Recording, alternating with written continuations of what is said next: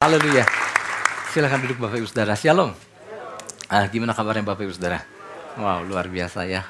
Oke, kita sama-sama hmm, tangkap pesan Tuhan buat kita semua. Saya Bapak Ibu Saudara. Di minggu ini, pesan Tuhannya adalah bahu-membahu bergerak ke tujuan Tuhan.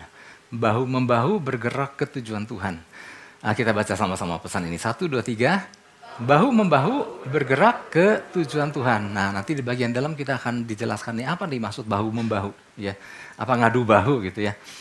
Oke, nanti kita uh, akan lebih jelas ketika kita membaca ayatnya diambil dari Markus 2 ayat 3 sampai 4. Markus 2 ayat 3 sampai 4. Ketika kita baca dua ayat ini maka kita tahu ini uh, dari kisah apa ini diambil. Saya mau ajak kita semua baca sama-sama ayat di, yang sudah terpampang di depan ini. Satu, dua, tiga. Ada orang-orang datang membawa kepadanya seorang lumpuh digotong oleh empat orang. Tetapi mereka tidak dapat membawanya kepadanya karena orang banyak itu. Lalu mereka membuka atap yang di atasnya. Sesudah terbuka mereka menurunkan tilam tempat orang lumpuh itu terbaring. Nah kita udah tahu. Ini terjadi di kisah mana ya Bapak Ibu Saudara, di Alkitab kita akan banyak menemukan kisah-kisah kepahlawanan, kisah-kisah patriotik ya. Khususnya eh, kita menjumpai banyak kisah-kisah itu di perjanjian lama ya, di mana kita eh, melihat bagaimana Musa dipercaya Tuhan membawa bangsa Israel keluar dari perbudakan Mesir. Wah itu merupakan sebuah kisah yang luar biasa. Ya, nggak mudah buat Musa untuk menghadap Firaun dan kemudian akhirnya Firaun merelakan bangsa Israel keluar dari perbudakan Mesir. Ya, itu satu kisah tersendiri. Belum lagi ketika kisah Joshua, bagaimana bangsa Israel dipimpin oleh Joshua untuk masuk ke tanah perjanjian. Sebuah cara yang berbeda, generasi yang berbeda, cara peperangan yang berbeda dengan generasi sebelumnya. Kemudian ada kisah Daud. Wow, kisah-kisah heroik Daud dan pahlawan-pahlawannya. Ini membangkitkan uh, semangat buat setiap kita orang-orang percaya ketika kita membaca kisah-kisah tersebut. Belum lagi zaman raja-raja, ada raja yang baik dan benar yang kita bisa teladani.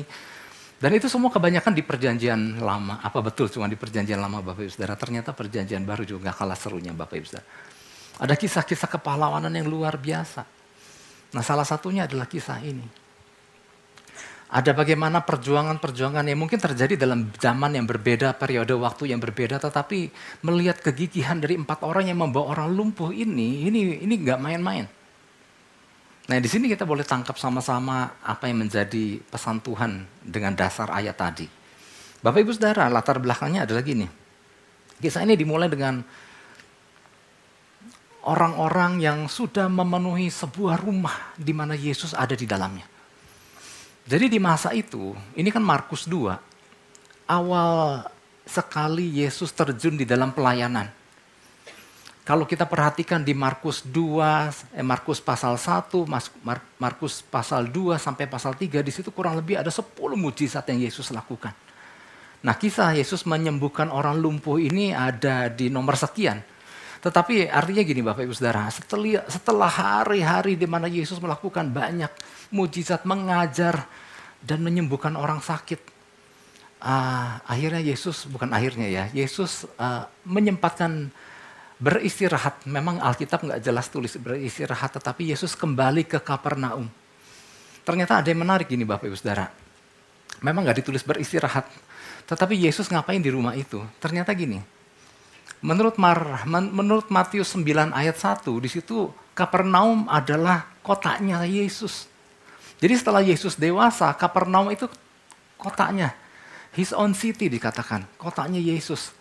Jadi kemungkinan besar Yesus di situ setujuannya gini, setelah berapa sekian lama uh, melayani banyak orang, mungkin ada waktunya mau beristirahat. Tetapi gini, orang-orang sudah kepalang mendengar bahwa mujizat-mujizat yang dilakukan oleh Yesus dari berbagai kota ternyata datang memenuhi rumah itu karena di dalamnya ada Yesus.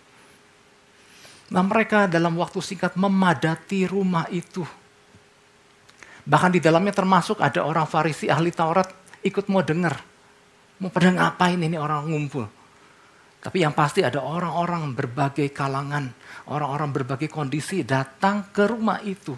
Dalam waktu singkat rumah itu begitu padat. Datanglah empat orang membawa orang lumpuh. Orang lumpuh ini namanya juga lumpuh, nggak bisa jalan. Dia di, di, di, ditandu, diusung. Oleh empat orang masing-masing memegang ujung tilam. Nah, di, di, di, di tilam itu berbaringlah si lumpuh. Tujuannya apa? Sama. Hendak mereka, empat orang ini hendak membawa si lumpuh untuk berjumpa dengan Yesus dan berharap supaya Yesus sembuhkan si lumpuh itu. Tetapi begitu sampai di tempat tujuan, jangankan ketemu Yesus, ngelihat Yesus aja susah. Kenapa orang itu udah ber, berbanyak-banyak memenuhi rumah itu sampai mungkin di, di, di pelataran luar mungkin ada orang yang udah yang sangat sangat ingin berjumpa dengan Yesus udah ngumpul semua. Tapi kita kan tahu kisah ini. Bahwa singkat cerita, Si empat orang ini menggotong si lumpuh naik ke atap, atapnya dilubangi dan diturunkan tepat di mana Yesus berada di dalam rumah itu dan si lumpuh sembuh. Nah Bapak Ibu Saudara, saya mau sampaikan gini. Kadang-kadang kalau kita membaca Alkitab begitu cepat, kejadian ini terasa berlalu begitu singkat. Oh lumpuh, dibawa empat orang, nggak bisa masuk ke dalam rumah, maka dibawa ke atap, atap dibolongi, diturunkan ketemu Yesus. Kemudian di akhir Yesus bilang, karena imanmu engkau disembuhkan. Maka pulanglah si lumpuh dengan membawa tilamnya. Kayaknya selesai, kayaknya ringan begitu. Tapi ternyata gini Bapak Ibu, kalau kita coba renungkan kisah ini, ini sangat nggak mudah. Empat orang membawa satu orang lumpuh dari mem, dari menggotong orang lumpuh dengan memegang ujung tilam aja itu aja udah sesuatu yang nggak mudah. Kemudian dia saat tiba di rumah di mana di sebuah rumah di mana rumah itu sudah penuh sesak orang-orang. Nah kalau empat orang ini dan lima sama si lumpuh, kalau mereka bukan orang-orang yang beriman, maka cerita menjadi lain. Mungkin mereka ketika sampai di tempat di mana rumah itu telah penuh sesak, kalau misalnya ada satu orang yang gak beriman, maka dia akan mungkin berkata begini, ternyata penuh udahlah ngapain? Mau sampai kapan? Nunggu ini kesian kan orang lumpuh ini. Udah deh kita pulang aja. Ya mungkin lain kesempatan gitu. Dan kemudian dia udah nggak terjadi apa-apa. Atau gini mungkin si lumpuh kalau si lumpuh nggak beriman karena gini kenapa saya tahu semua beriman karena Yesus bilang oh semua mereka beriman. Kalau si lumpuh bukan orang beriman mungkin si lumpuh ya sangat sungkan dengan empat orang yang membawa yang membopong yang mengusung dengan tilam mungkin dia merasa nggak enak hati. Udahlah kita pulang aja. Gak enak kalian udah terlalu lama nunggunya, udah bawa susah-susah, udah antarkan aku pulang. Dan gak terjadi apa-apa. Kalau ada dari empat orang yang tidak beriman, mungkin dia bilang, tuh kata aku juga apa? Ngapain dibawa pasti udah penuh. Ternyata buktinya, buktinya benar kan penuh. Mungkin dia ngomel-ngomel. Tapi yang terjadi nggak seperti itu. Yang kita tahu, Alkitab mencatat, mereka membawa si lumpuh. Dia menggotong naik ke atas. Nanti di bagian dalam saya akan ceritakan detailnya. Dibawanya ke atap rumah. Bapak ibu saudara, gotong orang dengan tilam naik ke atap rumah, coba bayangkan. Bukan perkara mudah. Membawa orang dari titik ini sampai pintu depan dengan tilam juga udah nggak susah, nggak mudah. Bahkan nggak dicatatkan berapa berat orang lumpuh itu kan. Tetapi membawa orang lumpuh naik ke atap. Udah naiknya susah, kemudian di dalam diturunkan di tengah-tengah. Sesuatu yang sangat tidak mudah. Maka peristiwa orang lumpuh ini sampai berjumpa dengan Yesus dan pulang dengan kesembuhan, ini perkara yang gak main-main. Ada melibatkan berbagai prinsip-prinsip penting Bapak Ibu Saudara. Ya, Mereka artinya gini, mereka bahu-membahu. Nah ini dikatakan membahu-membahu. Bergerak ke tujuan Tuhan. Kalau nggak bahu-membahu, sulit untuk membawa si lumpuh berjumpa dengan Yesus. Ada beberapa prinsip-prinsip yang terlibat di dalamnya Bapak Ibu Saudara. ya Prinsip saling percaya.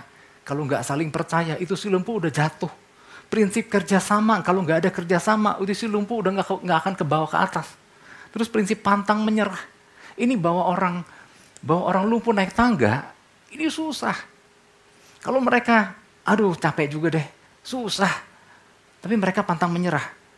Kalau dan kemudian ada prinsip kebulatan tekad. Kalau enggak mereka punya tekad orang ini harus berjumpa dengan Yesus, maka itu enggak akan terlaksana. Nah Bapak Ibu Saudara dalam kisah yang barusan ini, si lumpuh nggak akan pernah sampai berjumpa dengan Yesus kalau nggak melibatkan prinsip-prinsip tadi. Nah apa yang mau disampaikan pesan Tuhannya adalah gini. Bapak Ibu Saudara pesan Tuhannya gini. Bahwa pengiringan kita sama Tuhan ini adalah sering kita dengar merupakan sebuah perjalanan. ya Bahkan uh, Rasul Paulus menggambarkan pengiringan orang percaya sama Tuhan itu merupakan sebuah pertandingan. Bukan lari jarak pendek, tapi lari jarak jauh. Di perjalanan yang ditempuh pun gak mudah. Ya, kita sering dengar itu. Ada naik, ada turun, ada terjal, ada berbatu, berkelok, berlubang-lubang, dan lain-lain. Nah artinya perjalanan kita di dalam mengiring Tuhan adalah sebuah perjalanan, sebuah journey. Sebuah perjalanan jarak jauh di mana yang pasti Tuhan punya tujuan yang luar biasa buat kita. Katakan amin. Satu hal yang perlu kita uh, hidupi bahwa kita sering dengar itu di sini bahwa kita diselamatkan bukan cuma sekedar diselamatkan kemudian udah, enggak. Kita diselamatkan karena Tuhan punya rencana atas hidup kita. Kenapa kita ada di bumi? Karena Tuhan mau kita menjadi perwakilan sorga di bumi. Ya mungkin agak sering dengar tentang hal ini, tetapi mari terus tanamkan itu bahwa aku ini perwakilan sorga di bumi. Aku ini God, apa, uh, partaker of God's kingdom. Aku ini bagian daripada kerajaan sorga yang ada di bumi ini. Ya, maka oleh sebab itu Bapak Ibu Saudara, kalau kita sadar kita perwakilan sorga di bumi, maka hubungan kita dengan pemerintah pusat harus berjalan lancar. Katakan lancar harus terhubung senantiasa dengan pemerintah pusat, harus terhubung dengan Tuhan Yesus Kristus. Kalau kita sadar kita adalah perwakilan sorga di bumi, ya. Nah, sekarang gini. Relasi yang seharusnya kita bangun dan harusnya berjalan lancar, bisa nggak jadi nggak lancar? Bisa nggak jadi nggak lancar? Ah, suka, suka. Kalau ditanya, Nggak lancar terus kok Pak. Bisa nggak jadi nggak lancar? Bisa. Bisa. Seperti gini. Kita punya kendaraan dengan GPS ke suatu tujuan. Nah, itulah gambaran perjalanan kita di dalam mengiring Tuhan. Untuk sampai ke tujuannya Tuhan, ini GPS harus terhubungkan dengan satelit kan, kalau ke nyatanya sekarang ini kan. Nah, itulah gambaran bahwa kita harus terhubung dengan Tuhan si satelit pusatnya itu supaya kita bisa sampai ke tujuannya Tuhan tepat seperti arahannya surga. Bisa nggak jadi nggak lancar? Bisa. Penyebabnya yang pasti dari pihak Tuhan selalu lancar.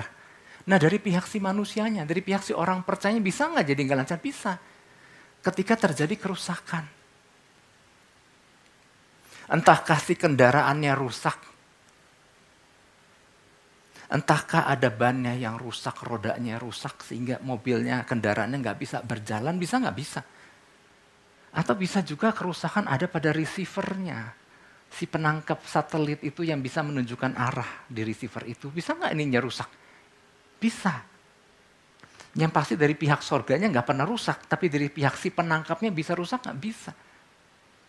Nah kalau rusak bisa diperbaiki nggak? Bisa.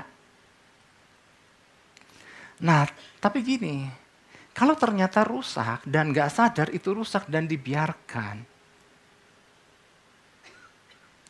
maka lama-lama hubungan antara yang di bumi dengan yang di surga ada kelumpuhan. Ada apa? Kelumpuhan. Kerusakan yang dibiarkan, yang tidak diperbaiki, akan menyebabkan terjadinya kelumpuhan. Nah, Bapak Ibu Saudara gini. Lewat pesan ini Tuhan menyampaikan bahwa ada kelumpuhan-kelumpuhan yang dialami oleh tidak sedikit orang-orang percaya. Duh, dengarnya nggak enak ya.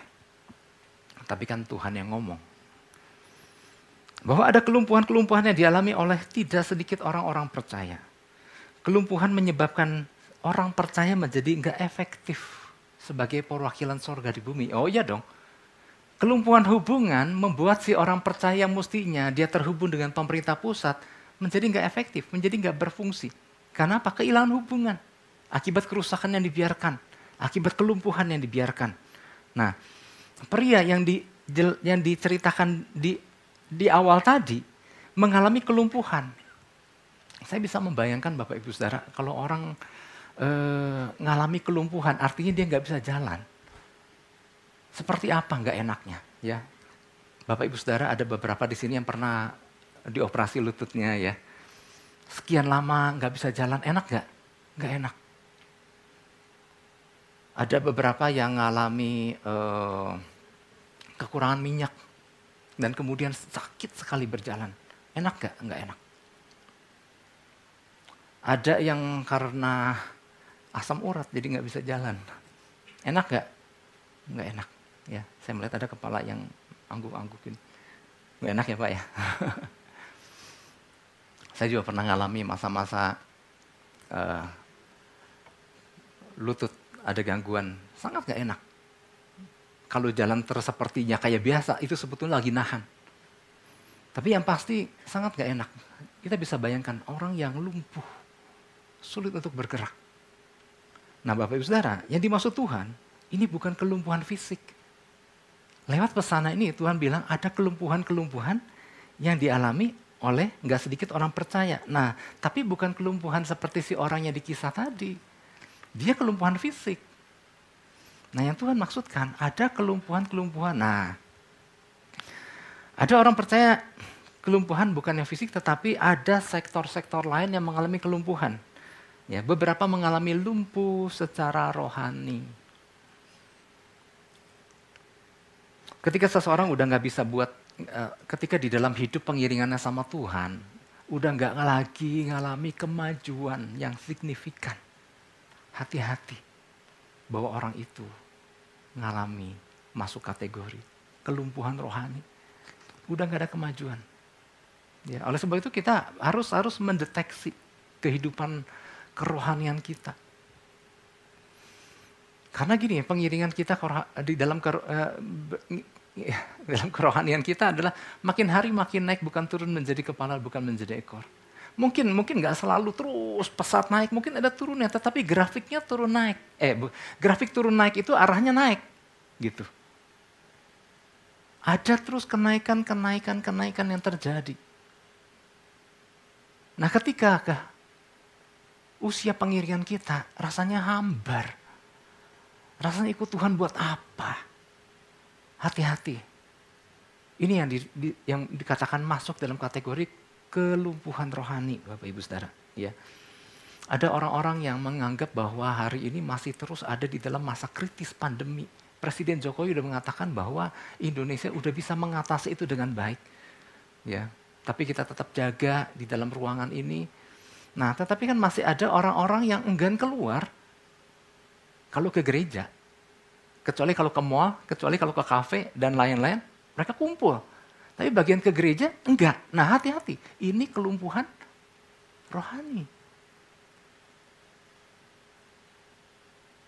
Ada orang-orang yang sampai hari ini masih enggan datang ke gereja karena dianggapnya gereja ini sumber penyakit gitu. Gereja ini agen penyembuh katakan. Agen penyembuh. Kita anak-anak Tuhan agen penyembuh. Karena Tuhan kasih kita kuasa dan otoritas. Nah tetapi ada orang yang menganggap ke gereja ini menakutkan sekali. Takut ketularan, mendingan ke kafe gitu ya. Ketemu sama orang-orang yang bukan anak-anak Tuhan. Malah lebih berani di sana. Nah Artinya apa? Ada kelumpuhan rohani yang terjadi di sini. Atau ada orang-orang yang aktif di dalam aktivitas rohani, tetapi pasif di dalam relasi. Hati-hati. Senang ngumpulnya, tapi nggak senang membangun hubungannya. Hati-hati. Itu masuk kategori kelumpuhan rohani. Atau ada orang-orang percaya yang udah di dalam Kristus, tapi enggan untuk move on dari kepercayaan lama. Karena kepercayaan, ajaran-ajaran kepercayaan lama masih dipegang erat-erat padahal udah di dalam Kristus. Dongeng-dongeng nenek moyang di Alkitab bilang tahayul-tahayul dan segala macam hal-hal yang di luar kebenaran. Tapi masih dipegang erat-erat hati-hati. Ini termasuk kelumpuhan rohani. Oke. Sebagian mengalami kelumpuhan rohani. Terus, sebagian mengalami kelumpuhan dalam hubungan. Wow. Kalau yang pertama tadi lebih kepada hubungan relasi dengan Tuhan, nah yang bagian ini adalah kelumpuhan dalam hubungan dengan sesama. Ada kelumpuhan. Kalau sesama artinya memang bisa dengan sesama. Sesama saudara seiman, bisa, bisa aja. Tapi juga sesama bisa berbicara dengan orang-orang di dalam keluarga. Ada hubungan yang lumpuh dengan pasangan. Dengan suami atau dengan istri. Ada hubungan yang dingin ada hubungan yang udah masing-masing aja. Ada hubungan yang nggak boleh ketemu, udah kayak kucing sama anjing. Ada nggak? Ada. Nah ini adalah orang-orang yang mengalami kelumpuhan roha, uh, relasi dengan sesama. Dan ini bisa terjadi dengan pasangan, ini bisa terjadi dengan orang tua, ini bisa terjadi dengan anak. Dan ini bisa terjadi dengan rekan-rekan. Bisa nggak? Bisa. Nah ini masuk kategori kelumpuhan uh, di dalam uh, hubungan, di dalam hal relasi dengan sesama. Nah lewat di dalam pesannya ini ada ada satu ilustrasi khusus yang Tuhan berikan bahwa gini. Ini bicara tentang hubungan dengan sesama bagaikan kendaraan roda empat. Ketika di dalam sebuah rumah tangga, ada satu anggota atau lebih yang mengalami kelumpuhan, itu bagaikan kendaraan roda empat, di mana salah satu rodanya mengalami kerusakan. Ini kalau cuma satu orang yang mengalami kelumpuhan, maka satu rodanya mengalami kerusakan. Nah sekarang saya mau, mau, mau bertanya, kendaraan yang rodanya tinggal tiga, apakah bisa berjalan dengan baik? Anda jangan sebutin merek, karena ada merek mobil buatan Prancis yang tetap masih bisa jalan roda tiga, tetapi rata-rata kebanyakan kendaraan akan nggak bisa berjalan kalau cuma rodanya tiga. Bagaimana kalau yang lumpuh di dalam rumah tangga ada dua? ini akan merusakkan semuanya karena satu kendaraan itu nggak bisa berjalan dengan baik. Jadi jangan berpikir bahwa ah cuman dia aja biarin. Enggak. Ini akan merusakkan seluruh kendaraan, jalannya kendaraan. Oke, ya ini mungkin ilustrasi tadi lebih-lebih membuat kita oh iya, rusaknya satu, lumpuhnya satu orang di dalam satu keluarga akan membuat seluruh rumah tangga berjalannya menjadi sulit, menjadi terseok-seok. Kenapa? Ada satu ban yang nggak berjalan, ada satu roda yang rusak. Terus ada lagi, ada kelumpuhan emosional. Di mana kita pernah belajar bahwa iring Tuhan, Tuhan punya ekspresi kerajaan sorga. Tapi kalau emosionalnya lumpuh, maka orang menjadi hambar ikut Tuhan. Menjadi tawar hati. Nggak ada sukacita, nggak ada keceriaan. Rasanya lihat orang yang perlu diselamatkan rasanya udah nggak ada rasa lagi. Perlu gitu diselamatkan gitu. Perlu gitu diberitakan. Nah, ada lagi yang lain ya. Kelumpuhan akibat rasa takut dan khawatir yang berlebih. Ada orang yang akibat ketakutan dan kekhawatiran maka roda kehidupannya menjadi lumpuh. Enggan untuk coba, enggan untuk melangkah lagi karena trauma masa lalu. Ini membuat, aduh, takut pak. Takut akhirnya menjadi, aduh tak, saya pernah ketemu, takut ketemu orang. Takut ditanya. Ada berbagai kuat, kekhawatiran. Takut pak, di depan udah ada yang nunggu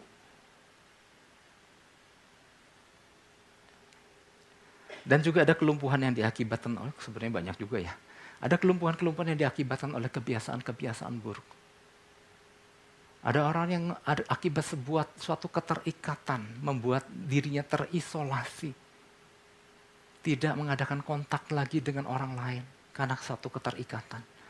Atau juga ada keterikatan-keterikatan yang disembunyikan supaya orang jangan tahu. Artinya orang ini ada dalam sebuah kelumpuhan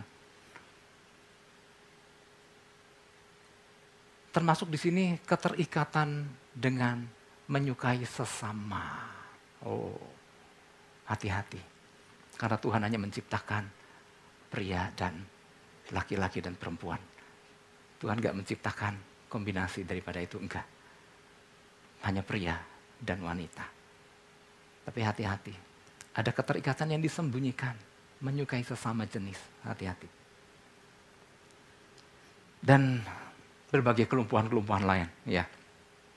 Tapi itu orang lebih Bapak Ibu Saudara, kelumpuhan-kelumpuhan. Nah kelumpuhan ini akan membuat kita menjadi si orang percaya tadi yang mengalami kelumpuhan. Menjadi nggak efektif bagi kerajaan sorga. Nggak bisa berfungsi dengan baik sebagai perwakilan sorga di bumi. Ya. Kelumpuhan akan menghambat kita mencapai apa yang Tuhan inginkan dari masing-masing kita. Kalau kita masih ingat pesan Tuhan tepat sebulan yang lalu. Dia di dalam kitabnya tertulis hari-hari yang akan dibentuk sebelum semua itu terjadi. Artinya Tuhan sudah merancang hari-hari di depan yang luar biasa. Katakan luar biasa. Tapi kelumpuhan membuat orang gak bisa berjalan bersama Tuhan lagi. Dan dia sulit untuk melihat penggenapan demi penggenapan yang Tuhan sudah rancangkan. Artinya sudah Tuhan sudah merancangkan perkara yang luar biasa ya yang Tuhan mau kita alami waktu kita melekat berjalan bersama Tuhan tetapi kelumpuhan yang membuat semua itu menjadi tidak terjadi. Nah, sekarang gini, apa yang harus dilakukan? Apa yang harus dilakukan agar menjadi pribadi yang bebas dari kelumpuhan? Ya, sehingga menjadi alat yang berfungsi bagi kerajaan surga. Yang pertama, waduh kayaknya poinnya udah sering banget kita dengar. Sadari dan lakukan spiritual check up. Sadari dan lakukan spiritual check up bagi diri kita. Nah, tadi kan saya melihat pada nyatet itu sebetulnya adalah pesan-pesan poin-poin orang kalau masuk kategori lumpuh itu kayak gimana. Memang berbeda dari kelumpuhan dari kisah si orang lumpuh yang digotong oleh empat orang itu. Tetapi ada kelumpuhan-kelumpuhan non fisik yang terjadi di antara orang-orang percaya. Nah bagian kita gini, ah masa itu saya lumpuh gitu ya. Nah maka bagian kita adalah lakukan spiritual check up. Oke ayatnya Markus 2 ayat 2. Maka datanglah orang-orang berkerumun sehingga mereka, sehingga tidak ada lagi di tempat, sehingga tidak sehingga tidak ada lagi tempat, bahkan di muka pintu pun tidak. Sementara ia memberitakan firman kepada mereka. Nah, waktu Yesus ada di dalam rumah, orang datang berduyun-duyun karena mereka terdiri dari orang-orang yang memang butuh sentuhan Yesus, butuh disembuhkan orang oleh Yesus. Itulah sebabnya mereka datang. Kenapa? Karena mereka sadar mereka butuh ditolong. Mereka datang kenapa mereka sadar mereka butuh disembuhkan. Nah kenapa spiritual check up ini but, diperlukan bagi orang percaya gini supaya kita menyadari bahwa eh kamu tuh sebetulnya perlu ditolong. Kamu tuh sebetulnya perlu disembuhkan oleh Tuhan. Kadang-kadang gini, orang lumpuh nggak menyadari dirinya lumpuh. Aku mau oke-oke aja. Nah oleh sebab itu Bapak Ibu Saudara, di doa pagi saya berapa kali saya sampaikan bahwa tempatkan diri kita bukan terus menjadi pasien. Tempatkan diri kita sebagai dalam tanda kutip dokternya. Dokter itu tugasnya mendiagnosa. Iya kan? Waktu pasien datang, dokter bertanya, ceritakan bu, ceritakan pak, dek, ceritakan uh, simptomnya, gejalanya apa. Maka si pasien kan cerita gini-gini, maka dokter menyimpulkan, oh iya, kamu kena sakit ini Nah kalau kita tempatkan diri kita sebagai dokter, nah kita harus bisa mendiagnosa diri kita. Dari ciri-ciri tadi, aduh sekian lama ya nggak ada pertumbuhan. Hambar kalau datang sama Tuhan, waduh Tuhan aku butuh ditolong.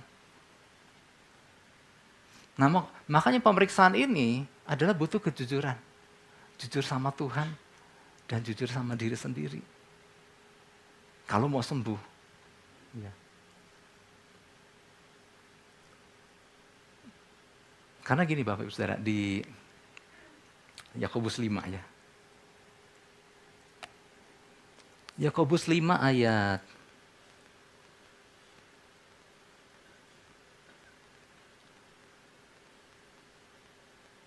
ayat 15. Yakobus 5 ayat 15. Dan doa yang lahir dari iman akan menyelamatkan orang sakit itu dan Tuhan akan membangunkan dia. Dan jika ia telah berbuat dosa maka dosanya itu akan diampuni. Ayat 16. Karena itu hendaklah kamu saling mengakui dosamu. Memang kita perlu mengakui.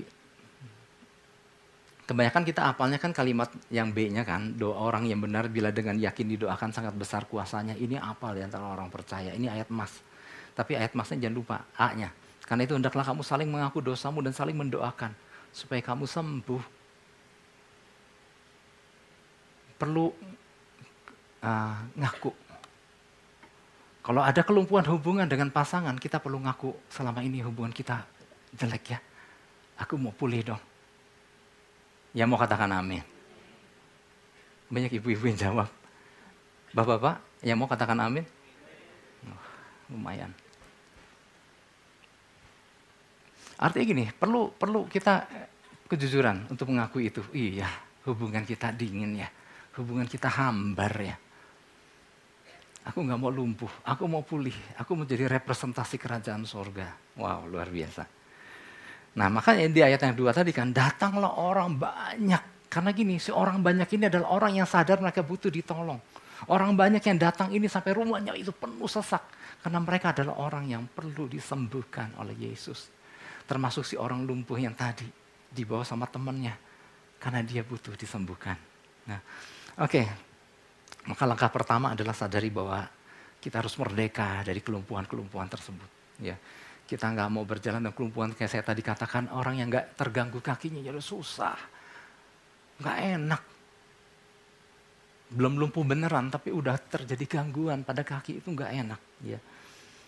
Nah apa yang membuat Daud senang sama Daud? Apa yang Tuhan apa yang membuat Tuhan senang sama Daud? Daud adalah orang gini, ngaku Tuhan, aku dosa, aku salah, aku mau pulih. Meskipun ada konsekuensi akibat pelanggaran yang dia lakukan, tetapi dia datang, dia akui Tuhan, aku telah berdosa. Hubunganku rusak di dalam Mazmur 51, Daud menyadari bahwa dia Tuhan udah nggak bicara lagi dan itu sangat menyakitkan buat dia. Tuhan aku mau sembuh. Aku mau pulih Tuhan. Dan dia datang sama Tuhan. Dan Tuhan pulihkan. Jadi poin yang pertama adalah gini Bapak Ibu Saudara, sadari dan lakukan spiritual check up bagi diri kita sendiri. Itu yang pertama. Yang kedua, sadari bahwa kita butuh orang lain juga untuk tolong kita. Ya, sadari bahwa kita butuh orang lain untuk tolong kita. Jadi ada bagian-bagian kayak ada radio ya. Ada ada bagian-bagian yang eh, nggak uh, bisa kita lakukan sendiri. Ya, Kayak kita ngelihat ke punggung belakang kita ini kita nggak bisa. Kecuali bercermin.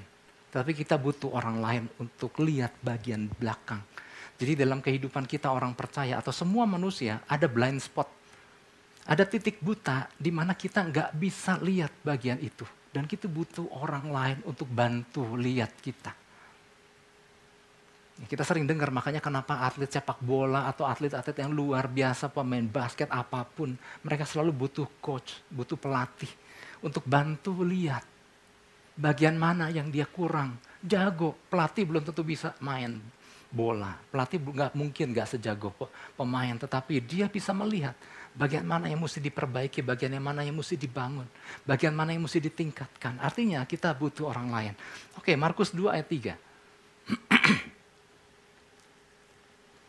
Markus 2 ayat 3 bilang gini, ada orang-orang datang membawa kepadanya seorang lumpuh digotong oleh empat orang. Si lumpuh ini jelas nggak bisa datang sendiri. Nah lumpuh. Maka dia butuh orang lain untuk membawa dirinya ke, kepada Yesus. Ya.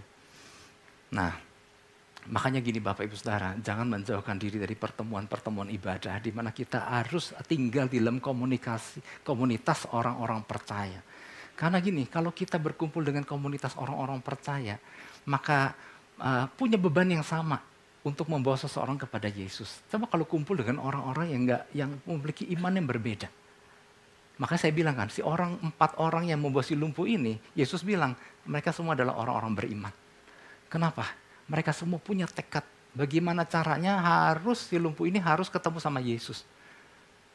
Bayangkan saat sekiranya empat orang yang bawa ini bukan orang beriman. Mereka begitu lihat dari kejauhan rumahnya udah penuh aja mereka udah balik jalan kembali dan si lumpuh nggak pernah ketemu dengan Yesus. Makanya pentingnya kita ada punya saudara-saudara seiman karena mereka semua karena waktu waktu seharusnya gini ya waktu orang-orang beriman berkumpul maka ada kreativitas karena kita punya hubungan dengan Sang Kreator yaitu Yesus.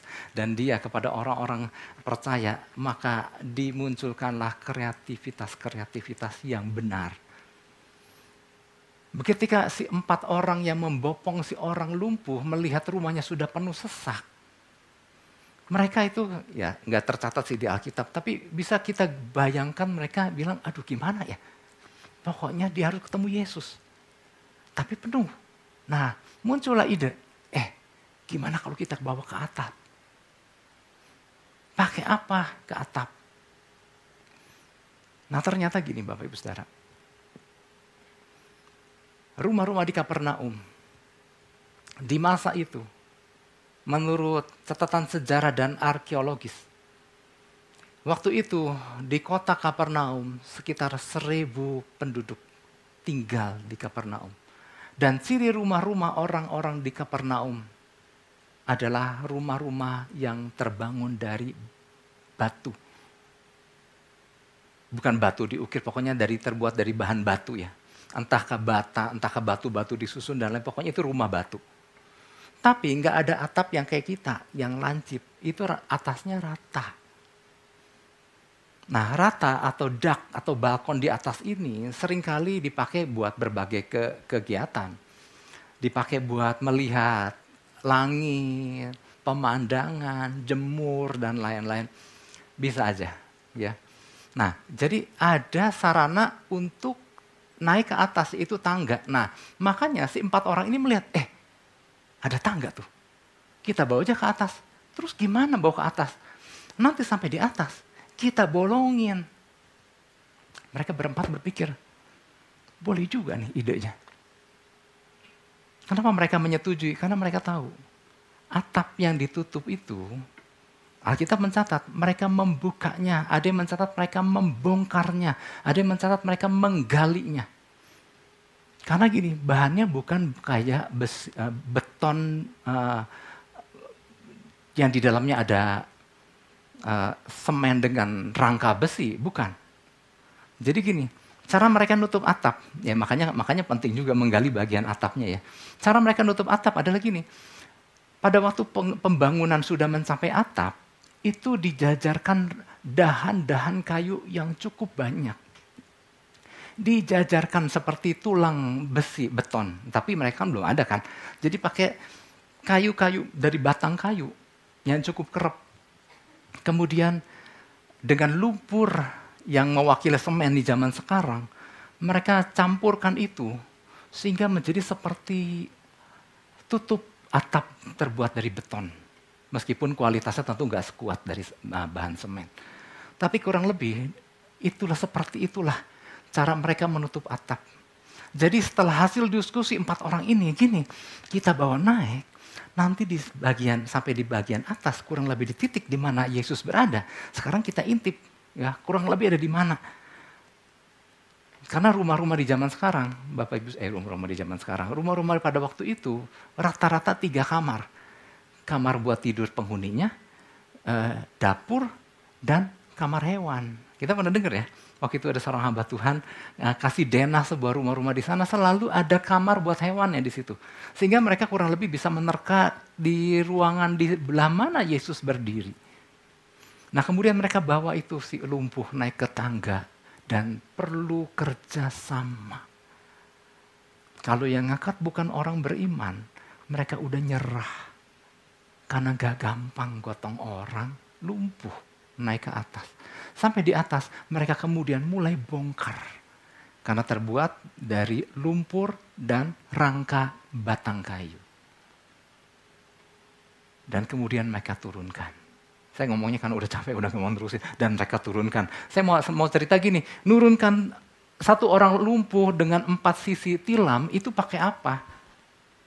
Butuh kehati-hatian, butuh tali mungkin, atau butuh kain atau apa. Sehingga sampailah di depan Yesus. Bapak Ibu Saudara, orang kalau kita, kalau kita, seandainya orang percaya sadar ada kelumpuhan pada dirinya, dia harus sadar bahwa dia butuh ditolong. Dan kalau dia punya ada dalam komunitas orang-orang beriman, maka mereka akan tolong. Orang ini harus berjumpa dengan Yesus. Harus ada hubungan yang dipulihkan harus ada hubungan yang dibarui. Harus ada Karena gini Bapak Ibu Saudara. Oke, saya mau langsung ke ilustrasi aja lah ya daripada bolak-balik bolak-balik jadi bawel. Erwin McManus. Wow. Seorang hamba Tuhan. Ingat ya. Uh, gembalanya dulu Sarah waktu dia di masa kerja. Nah, Erwin McManus ini tulis buku. Di dalam bukunya dia kasih ilustrasi uh, bahwa dia menyukai sebuah uh, sebuah komunitas badak. Ya, badak yang ada culaan gitu. Karena ternyata gini Bapak Ibu Saudara, ada yang menarik dari komunitas badak. Badak itu kan, ada nggak badak kurus? Badak kan gemuk ya, badak, badak kan gede, ya namanya juga badak ya, orang Sunda kalau bilang gede tak segede badak gitu ya. Badak tuh gede. Nah badak itu ternyata punya kelemahan, dia punya jarak pandang itu cuma 9 meter. Tapi kalau badak lari, kecepatannya bisa sangat tinggi, bisa hampir 50 km per jam. Padahal jarak pandangnya pendek. Nah saudara bayangkan, badak kalau lari dengan kecepatan tinggi, dengan mata yang gak jelas, itu bayangkan kekuatan ratusan, mungkin ton kali ya. Dengan badan yang kayak kayak dam truk, lagi ngebut, Artinya gini, kalau sampai salah arah dia bisa nabrak sesuatu kan. Karena dia kan gak lincah. Tetapi nyatanya badak itu bisa lari dengan cepat, dengan jarak pandang yang terbatas, tapi dia bisa sampai tujuan. Rahasianya apa? Ternyata Erwin McManus bilang, gajah lah, eh gajah kok jadi gajah. Badak lari bergerombol. Ternyata badak itu saling ngingetin. Bos, jangan ke kanan, ikutin aku. Rada burem nih, tapi masih kelihatan. Oh oke, okay, ikutin dia, ikutin dia. Nanti bagian dia burem, yang satu bilang, ikutin aku. Nah saya nggak bilang nggak bicara badak bisa ngomong, tetapi mereka dengan insting binatang mereka, mereka bisa lari bergerombol dengan kecepatan tinggi, tapi mereka saling mengukur satu dengan yang lain. Dan ini yang membuat mereka dengan kecepatan tinggi bisa sampai di tempat tujuan. Kalau mereka mau pergi ke sebuah tempat, mungkin lagi cari air, mereka bisa bergerombol dan tiba di sana kemudian menikmati air dan kemudian pulang. Kita ngebut lagi, kita ngebut lagi. Tapi nggak jelas, nggak apa-apa, ikutin aku aja. Ikutin salah satu kita yang bisa lihat jelas. Jadi mereka bekerja sama, ini yang dikatakan super team. Tuhan tahun ini kasih kita visi yang gak main-main Orang lumpuh nggak bisa. Perlu kerjasama rekan-rekan sesama yang seiman dan yang imannya sehat. Karena kalau imannya nggak sehat, selalu akan bilang, ngapain sih capek-capek? dapat apa kita? Itu orang yang mengalami kelumpuhan rohani. Apabila di dalam keluarga, keluarga juga perlu berjalan ke satu arah bersama-sama. Maka bersyukurlah kalau kita punya ada anggota keluarga yang terus membangun imannya dan dia akan menggerakkan anggota yang lain. Maka semua bersama-sama bisa dibangunkan dari kelumpuhannya untuk kembali bergerak ke tujuannya Tuhan. Mari Bapak Ibu Saudara, rasanya udah nangkep lah ya. Saya undang kita bangkit berdiri. Tuhan mau biarlah keluarga ataupun komunitas Bapak Ibu Saudara, teman-teman sepermainan, biarlah itu menjadi sebuah super tim, orang-orang yang memiliki iman, orang-orang yang mesti datang dan berjumpa dengan Yesus yang ngerti katakan amin.